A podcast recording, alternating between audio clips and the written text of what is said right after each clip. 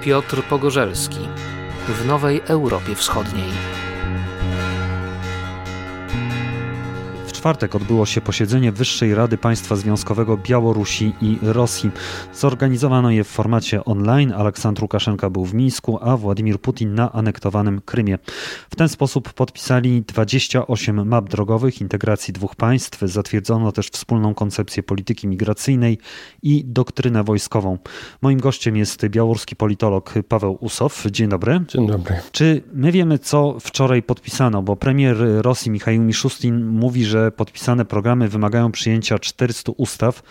I no z tego można wywnioskować, że to, co wczoraj podpisano, to są tylko takie ramowe dokumenty. No rzeczywiście to dokumenty, które określają kierunki integracji i czego oni będą dotyczyć. Dla instytucjalizacji i całkowitego wdrażania tych map e, drogowych w praktykę, w rzeczywistość koniecznie są pewne dokumenty, e, ustawy, dodatkowe, które regulują kierunki współpracy czy, czy kierunek dalszego rozwoju. Także to absolutnie logicznie, że będą potrzebne dodatkowe sformalizowane dokumenty, tak jak to się dzieje w Unii Europejskiej, kiedy prawo narodowe musi, musi uwzględnić ogólne prawo e, Unii Europejskiej.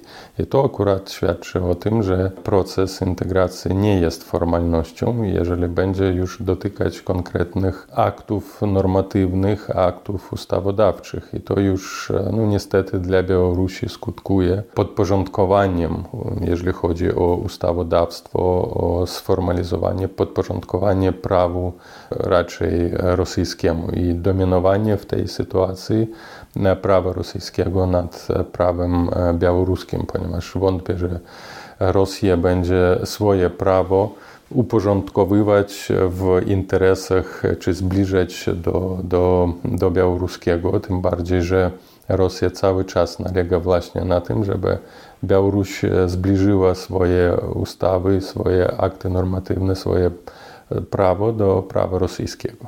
No ale to miał być taki bardzo przełomowy moment w tej, w tej integracji. No tak zapowiadano, miał Putin przyjechać przecież do Mińska. To się nie odbyło. Czy można powiedzieć, że to jest właściwie no tylko po, po raz kolejny wyznaczono kierunek integracji?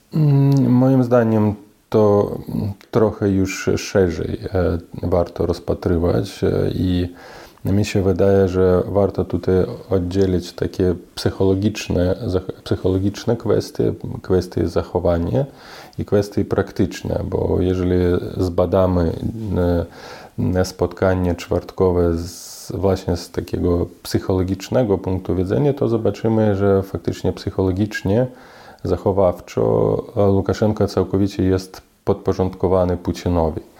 Ten jego, zwłaszcza zwrot do Putina, że ten nie wziął go na przejażdżkę do Sewastopolu, no też świadczy, że coraz bardziej widać w nim taką infantylność, słabość psychologiczną. Albo chociażby do Petersburga. Albo chociażby do Piciera, tak, do domu. E, faktycznie to to pokazuje, że na ile dominacja Putina jest przeważająca, bo Łukaszenko już się nie zachowuje jako twardziel, że no, szkoda Panie Włodzimierzu, że nie przyjechał do Mińsku, tak? Że, że ja, ja chciałem z Tobą pojechać. Czyli z, z, punktu widzenia takiego psychologicznego to jest bardzo ważny wątek. Tym bardziej, jeżeli jego związać z tym, co się odbyło 9 września, kiedy zostały podpisane memorandum o przyjęciu tych 28 kart integracyjnych, kiedy Putin powiedział Aleksander Grigorowiczu, prosiłem Was podjechać Czyli nie zaprosiłem pana, tak, a podjechać ja, to po prostu zwrot dla osoby drugorzędnej. I właśnie dlatego też można wnioskować, że Putin nie chciał jechać do Mińsku, żeby pokazać drugorzędność Łukaszenka, że nie jest partnerem, że po prostu imperator do, do wasala swojego nie pojedzie, że wystarczy tego, że ja jemu tam coś powiem o, przez e, Skype czy tam przez Zooma, nie wiem jakimi oni korzystają systemami, ale drugi bardzo ważny wątek to czwarty właśnie dzień, w który został te, ten dekret podpisany, 4 listopada, jeżeli to wiąże się z naszej wspólnej historii, z historią Rzeczypospolitej, właśnie wtedy się skończyła obecność wojsk polsko-litewskich w Moskwie. I w Moskwie to jest dzień uznawany za wyzwolenie od polsko-litewskich okupantów czyli Dzień Jedności Narodowej. I podpisanie symbolicznie ma świadczyć o tym, że jest to już jednoczenie tego jedynego narodu ruskiego. To jest też bardzo ważne i ogólnie w, tym, w tej sytuacji e, absolutnie widzę dominację i psychologiczną, i symboliczną Rosji na Białorusi i narzucanie procesu integracyjnego dla Łukaszenka. No dzisiaj rozpatrywałem, analizowałem w ogóle sam fakt podpisania tych map drogowych, bo sporo białoruskich analityków uważa, że to absolutnie formalnie nic nieznaczące ale ja uważam absolutnie odwrotnie, bo gdyby te mapy były absolutnie nic nieznaczące ani dla Łukaszenko, ani dla Białorusi, że nie było, nie wiązałoby się to z utratą czy ograniczeniem niezależności Białorusi, to Łukaszenko by podpisał ich w 2019 roku. I gdyby te mapy podpisał, uważając, że oni nic nie znaczą, to nie doszłoby do takiego poważnego kryzysu politycznego w 2020 roku, ponieważ w wielu e, aspektach był on sprowokowany również przez Rosję, ponieważ e, Rosja rozwiązała wojnę gospodarczą, wojnę e, polityczną, był bardzo mocny cisk informacyjny na Łukaszenkę. Także, także absolutnie jestem pewien tego, że to jest już dalekie posunięcie Moskwy w absolutnej dominacji geopolitycznej i politycznej nad Białorusią. No ale co będzie dalej? Rozumiem, że mają być przyjmowane odpowiednie ustawy, tak? I w ten sposób będzie ta integracja postępować. W różnych dziedzinach będą tworzone wspólne instytucje polityczne, gospodarcze, finansowe i w tych wspólnych instytucjach rzeczywiście będzie dominować interes rosyjski w finansach, w bankowości, w prawie celnym będzie, być może będzie zbudowana wspólna służba celna. To oznacza, że będą wspólne standardy, wspólna komunikacja, wspólna przestrzeń informacyjna. Już są bardzo głębokie posunięcie w dziedzinie edukacji, w dziedzinie polityki historycznej, czyli zapobieganie falszowaniu polityki historycznej, a my wiemy, co to oznacza, jeżeli chodzi o podejście Rosji do tej polityki historycznej w ogóle w aspektach związanych z II wojną światową i z upadkiem Związku Radzieckiego, to wszystko będzie teraz e, zupełnie inaczej wyglądać. E, w dziedzinie kultury, dominacja, dominacja kultury rosyjskiej, to już posunięcie, to jest no, podstawa, to jest bardziej kluczowe niż e, powstanie jakichś tam instytucji gospodarczych, ponieważ Rosja już zmienia mentalność, zmienia orientację, zmienia światopogląd e, Białorusinów. I ten fakt, że, że język rosyjski dominuje, to oznacza, że dyskurs polityczny rosyjski będzie również dominować na Białorusi, a nie dyskurs europejski na przykład. Po zbudowaniu tych gospodarczych instytucji, na przykład w najbliższym tam 22 roku mogą już być zbudowane, ukształtowane te instytucje wspólne gospodarcze, instytucje, bo ogólnie już jest wspólna przestrzeń celna, wspólna przestrzeń, e, rynek niby jest wspólny, teraz będzie e, sieć e, gazotransportowa zbudowana, co oznacza, że E, już ta sieć będzie pod, być może podporządkowana Gazpromowi, bo my do końca rzeczywiście nie wiemy dokładnie tych mechanizmów. Oni już na pewno są opisane, ale tylko jeszcze nie opublikowane, tylko ogólne zagadnienie tych 28 map. No i druga rzecz to jest polityka migracyjna i, polity, i doktryna, wspólna doktryna wojskowa, co jeszcze e,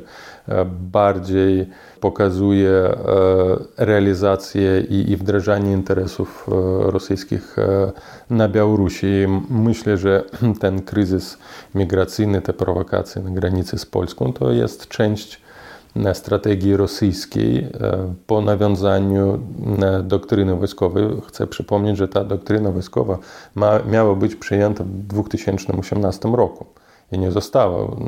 Łukaszenko zrezygnował widząc na pewno w tym ideologiczne i fizyczne zagrożenie dla, dla siebie. Czyli teraz jest ten sam dokument, tak, który był trzy lata temu? My nie wiemy, nawet treści nie było. Było napisane tylko, że dokument jest przygotowany, ale jaka treść tego dokumentu była absolutnie nie wiadomo i na pewno został on zmieniony, ponieważ 9 września w ogóle nie chodziło i nie było wzmianki o tym, że 4 czy w listopadzie będzie podpisana doktryna wojskowa.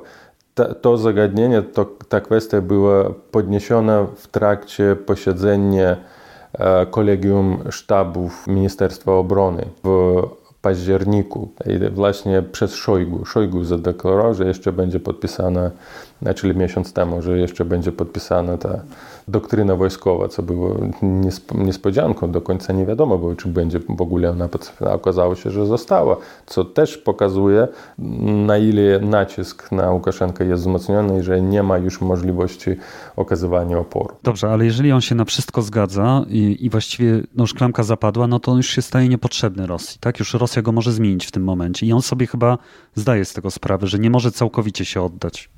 Ja myślę, że już otrzymał jakieś gwaranty tego, że Rosja nie będzie nalegać na tym, żeby odszedł. Że jak tylko zrealizuje, no rzeczywiście to już kwestia zaufania Moskwy, że można ufać tym deklaracjom albo nie można. No, myślę, że dyktatorzy jeden drugiemu nie ufają, ale no, w rzeczywistości już nie ma możliwości oporu i, i, i, i, i może tylko się spodziewać, że, że Rosja dokona swoich obietnic. No, ja często tą sytuację, w którą teraz Białoruś się okazała, porównuję z tą sytuacją, w którą się okazały Rzeczpospolite, tak? po tym jak na króla Rzeczypospolitej został wybrany w nawiasach przy pomocy bagnetów rosyjskich August, August Poniatowski. No a później te, te wszystkie deklaracje i obietnice Katarzyny II dla Poniatowskiego, że Rosja będzie bronić interesów Rzeczypospolitej, przynajmniej Augusta Poniatowskiego i w końcu to się skończyło Sejmem Grodzieńskim. Tak? No i ta, taka sama sytuacja, czyli kiedy już przywódca, powiedzmy tak, już staje się słabym, no to tylko może oddać się na miłość zwycięzcy. I on się oddał właśnie te deklaracje, to poniża, poniżające zachowanie o Panie prezydencie, nie wziąłeś mnie. To jest właśnie oddawanie się na moc zwycięzcy. No, proszę, błagam, dokonajcie swoich obietnic, no zostawcie mnie prezydenta przynajmniej na jakiś kolejny, kolejny czas. Być może takie ustne obietnice dostał. Takie same obietnice, które kiedyś dostał Jelcyn przed tym, jak odszedł, ale tutaj obietnicy, że zostanie prezydentem, nikt jego czepiać, czepiać się jego nie będzie. Niech po prostu dalej realizuje to, co od niego wymagają. Moim zdaniem to to się układa właśnie w to, co w czwartek widzieliśmy. Jeszcze jedno pytanie dotyczące Krymu. Czy to, co mówił Łukaszenka, oznacza i uznanie Krymu jako części Rosji? Formalnie tak, bo nie istnieje takiego dokumentu, tak, który niby miałby podpisać Łukaszenkę, w którym jest napisane, że Krym jest częścią Rosji. No, prawnie takiego dokumentu nie istnieje. Jaki dokument uznanie e, tam Abchazji czy, czy Południowej Osetii za niepodległe? Nie ma takiej. Są tylko deklaracje.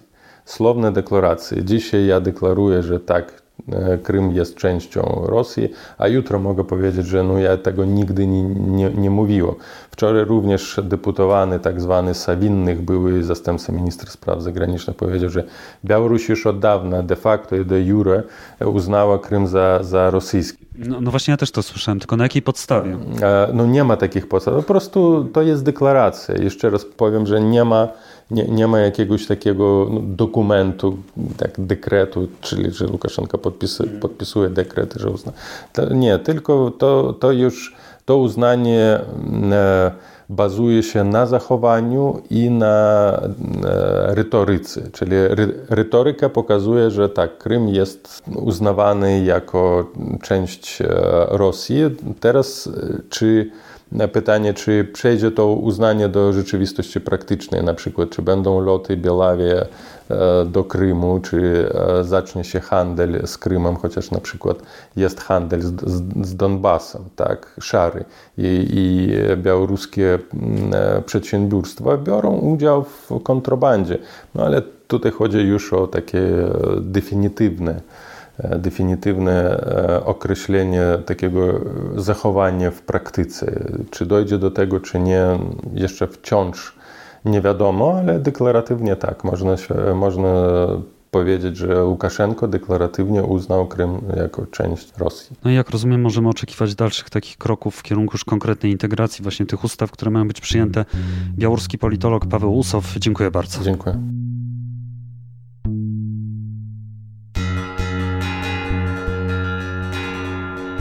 Podcast został przygotowany w ramach współpracy Nowej Europy Wschodniej i Piotra Pogorzelskiego, dziennikarza telewizji Bielsat i autora podcastu Po prostu Wschód.